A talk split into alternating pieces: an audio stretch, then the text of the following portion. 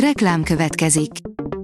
A műsort a Vodafone Podcast Pioneers sokszínű tartalmakat népszerűsítő programja támogatta, ami azért jó, mert ezzel hozzájárulnak ahhoz, hogy a felelős üzleti magatartásról szóló gondolatok, példák minél többekhez eljussanak. Köszönjük! Reklám hangzott el. A legfontosabb tech hírek lapszemléje következik. Alíz vagyok, a hírstart robot hangja. Ma szeptember 7-e, Regina névnapja van.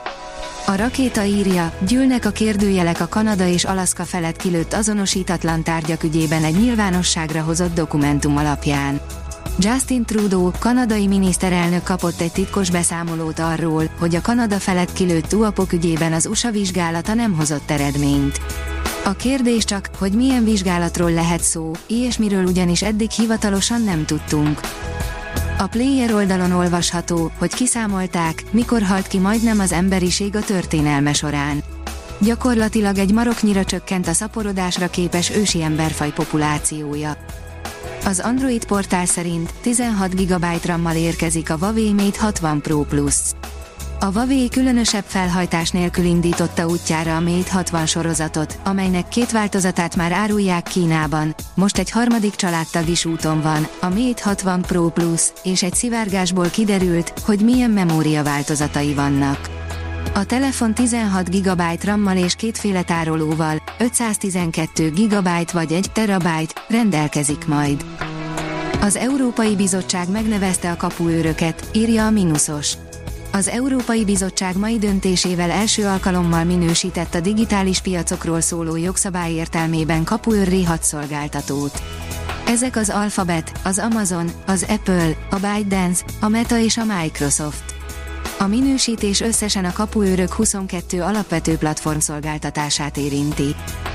Ismét egymásra talált a Seiko és a Honda, írja az InStyleman. Minden idők legnagyobb darabszámban gyártott járművét ünneplik a Seiko 5 Sport limitált kiadásával.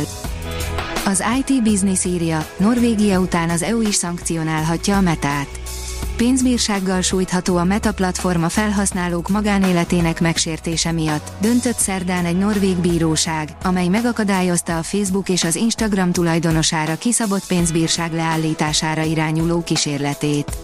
Az ítéletnek szélesebb európai következményei is lehetnek. A Márka Monitor oldalon olvasható, hogy jelentősen nőtt a magyarok mobilnet igénye. Az adatforgalmat tekintve idén a megszokott éves növekedést jelentősen meghaladta az országos átlag, Horvátországban hasított a roaming forgalom növekedése, az SMS műfaja tartotta magát és kismértékben növekedett a belföldi hanghívások hossza is. A Digital Hungary írja, megújult a Vodafone feltöltőkártyás díjcsomagja. A Vodafone Magyarország célja, hogy az alapvető telekommunikáció lehetőségét minél szélesebb körben tegye elérhetővé. Újfajta hibrid agysejtet fedeztek fel, írja a Telex.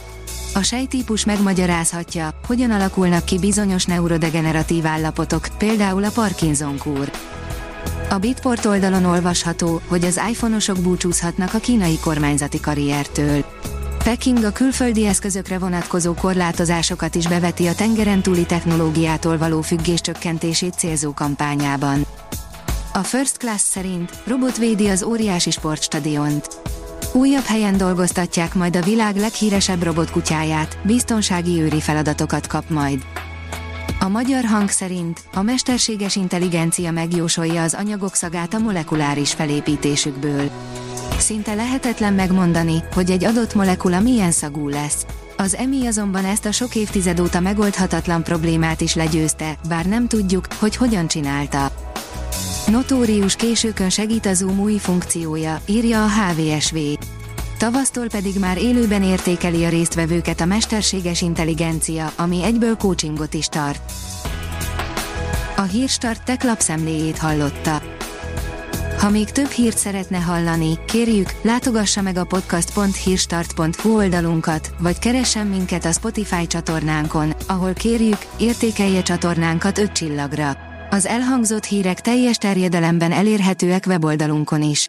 Köszönjük, hogy minket hallgatott!